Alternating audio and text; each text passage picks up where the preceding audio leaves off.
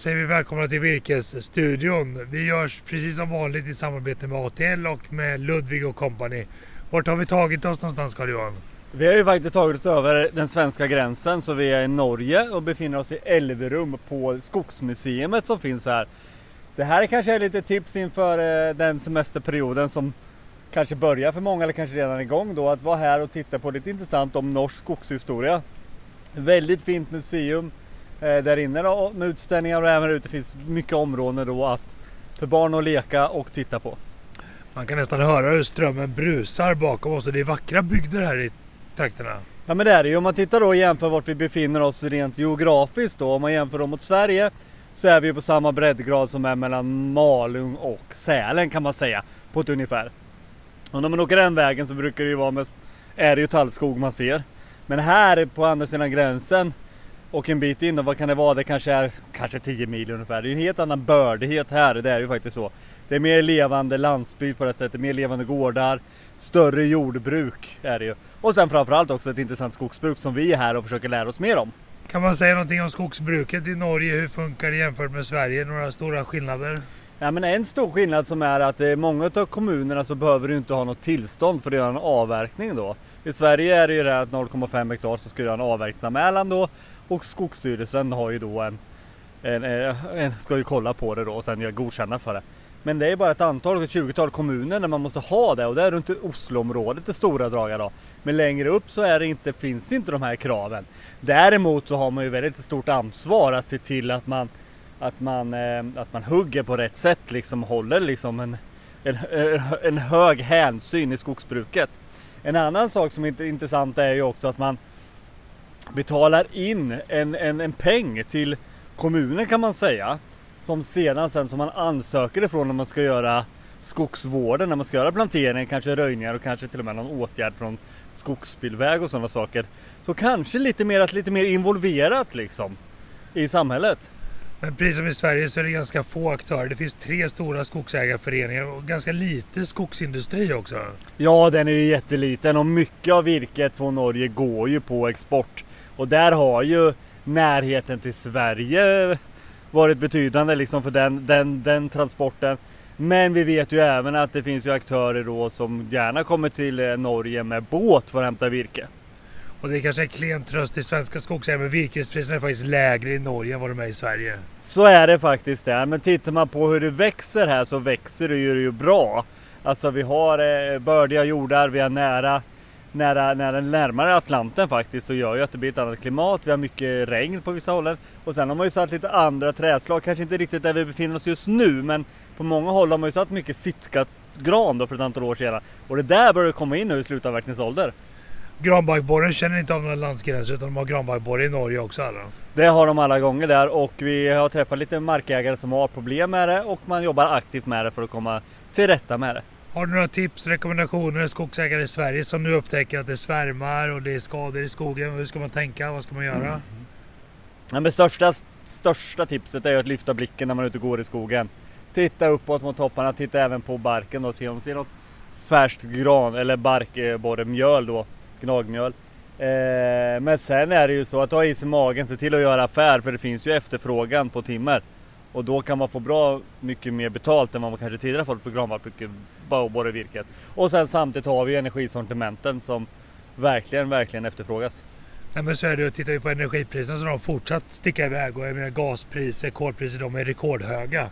Och det driver priset också på massaveds sortimenten och också barkborresortimenten. Ja men det är det ju. Vi står ju i omställningstiden. Vi kommer fortfarande eh, ha liksom stort behov utav av fossila eh, bränslen då till våra bilar och sådana saker.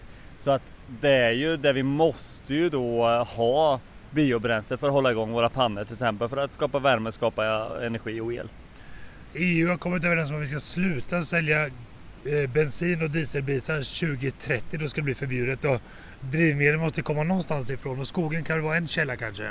Ja det tror jag alla gånger där eh, och eh, det ska bli verkligen intressant att se det här för 2030, det är inte så många år kvar här inte för att tills det är förbjudet träder i kraft för att sälja nya bilar och det är klart att man, många kommer att hålla kvar sina, sina eh, diesel och eh, bensinbilar ganska länge efter det men skogen har ju väldigt betydande roll. Jag tycker vi tar oss vidare i Norge så kopplar vi upp oss alldeles strax igen. Det gör vi!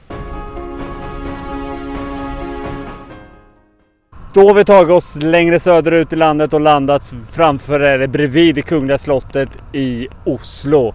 Fantastiskt skönt att söka lite skydd här i skuggan för det är faktiskt väldigt varmt. Per, lite kort om eh, Norge som skogsland. Lång skogshistoria och liksom anrikt skogsland men jag tror att de senaste decennierna så är det oljan och laxen som har varit prioriterad. Så jag upplever att skogsnäringen är lite underordnad olja och laxen. Men nu när vi ska fasa ut oljan och vi ska bli fossiloberoende så kanske skogen kan få ett lyft också i Norge tror jag. Kanske en renässans.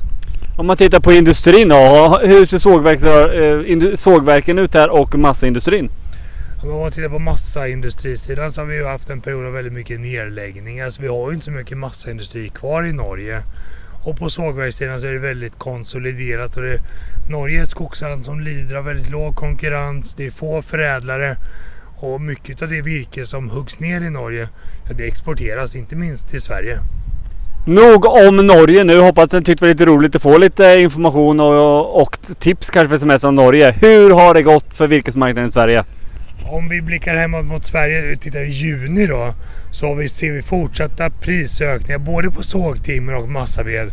Och det gäller nästan i vartenda län från norr till söder. Så att fortsatt positiv pristrend. Men det gäller ju återigen som skogsägare, vara ute, jämför, ta in anbud, konkurrensutsätt ditt virke. Och det gör man ju väldigt bra på virkesbörsen. Det kostar ingenting för skogsägare heller. Men se till att vara lite om er och kring er. Och är ni osäkra på anbuden ni har fått in, vänd er till oss och ta kontakt med oss så kan vi hjälpa och guida rätt också. Ja men det är det. En annan partner till Virkesbörsen, som, eller till Virkesstudion som kan hjälpa till att guida rätt är Ludvig Company. Nu tycker jag vi tar en liten jingle från dem. Hej, jag heter Johan Rovell, jobbar som skogsekonom i Borås på Ludvig Company. Jag vill bara slå ett slag för vår nya app eh, Ludvig Skog där vi hjälper er med bokföring, bokslut och deklaration helt digitalt. Och just nu har vi ett erbjudande med två månaders gratis eh, prövotid.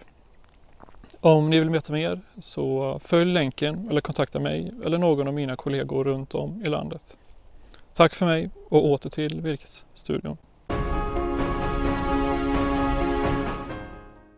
Tack så mycket Ludvig. Det är redan viktigt nu att förbereda för kommande deklarationen. Om vi försöker spåna lite framåt så har vi någonting som kallas virkesprisindikatorn. Vad säger den om framtiden? Man kan säga lite generellt att virkesprisindikatorn pekar på en ganska stabil virkesmarknad, varken upp eller nedgångar. Och den viktigaste signalen är att vi ser ju inte någon krasch på virkesmarknaden framför oss. Och det tror jag beror på att energipriserna är nu så höga så att de skapar i sig ett prisgolv både på massaved och sågtimmer. Så att inget djupare fall vad vi ser just nu men saker och ting förändras fort i vår omvärld och det är alltid stora osäkerheter. Är det klart, får vi en djupare nedgång i konjunkturen då kan ju byggandet gå ner och efterfrågan på sågade trävaror gå ner. Så att kanske mer stabilt och fortsatt uppåtgående på massaved. Mer osäkert på sågtimmersidan. Ja, det är ju mycket osäkerhet i, i världen som vi inte rår över, som inte ekonomin rår eller marknaden rår över. Det kan vara saker som händer som absolut inte kan göra någonting åt. Men det gör ju att är man skogsägare som man kanske har en slutavverkning på gång. Det är inga dåliga tider att göra det nu. Även om priserna är på uppåtgående. Utan säkra in och ta hem de här vinsterna som man har nu har byggt upp i skogarna. Ja men precis och då ska vi veta också som vi har pratat mycket om exporten är ju stor från Sverige och det är ju många båtar nu som rullar ut från Sverige med, med virke då till förbrukarna runt Östersjön och de har ju en annan förmåga att betala på virket. Om man går in på tribula.com eller tribula.com så kan du se den internationella prisjämförelsen som vi har byggt då kring länderna kring Östersjön och Norge. Jag tycker också ett tips inför sommaren är att gå in på virkesborsen.se och testa vår prisjämförelse. Den är alltid uppdaterad med både listpriser men också de senaste nettopriserna i Sveriges alla kommuner. Så att där kan man också jämföra vad man själv får, vad man borde få och vad, vad som händer med priserna och så vidare. Så det är en bra jämförelse. Precis, man ska inte bara hålla koll på tillväxten på träden utan man ska hålla koll på den ekonomiska tillväxten också. Hur mycket de där kubikmetrarna skogen växer varje år, vad det ger i pengar. Och det gäller också att tajma marknaden rätt. För att göra en affär med sex månaders skillnad, det kan skilja väldigt mycket nu när vi har en marknad som svänger fort både uppåt och neråt. Verkligen. Med det tackar vi för detta avsnitt av Virkesstudien och på återseende och ha en skön sommar tills vi syns nästa gång.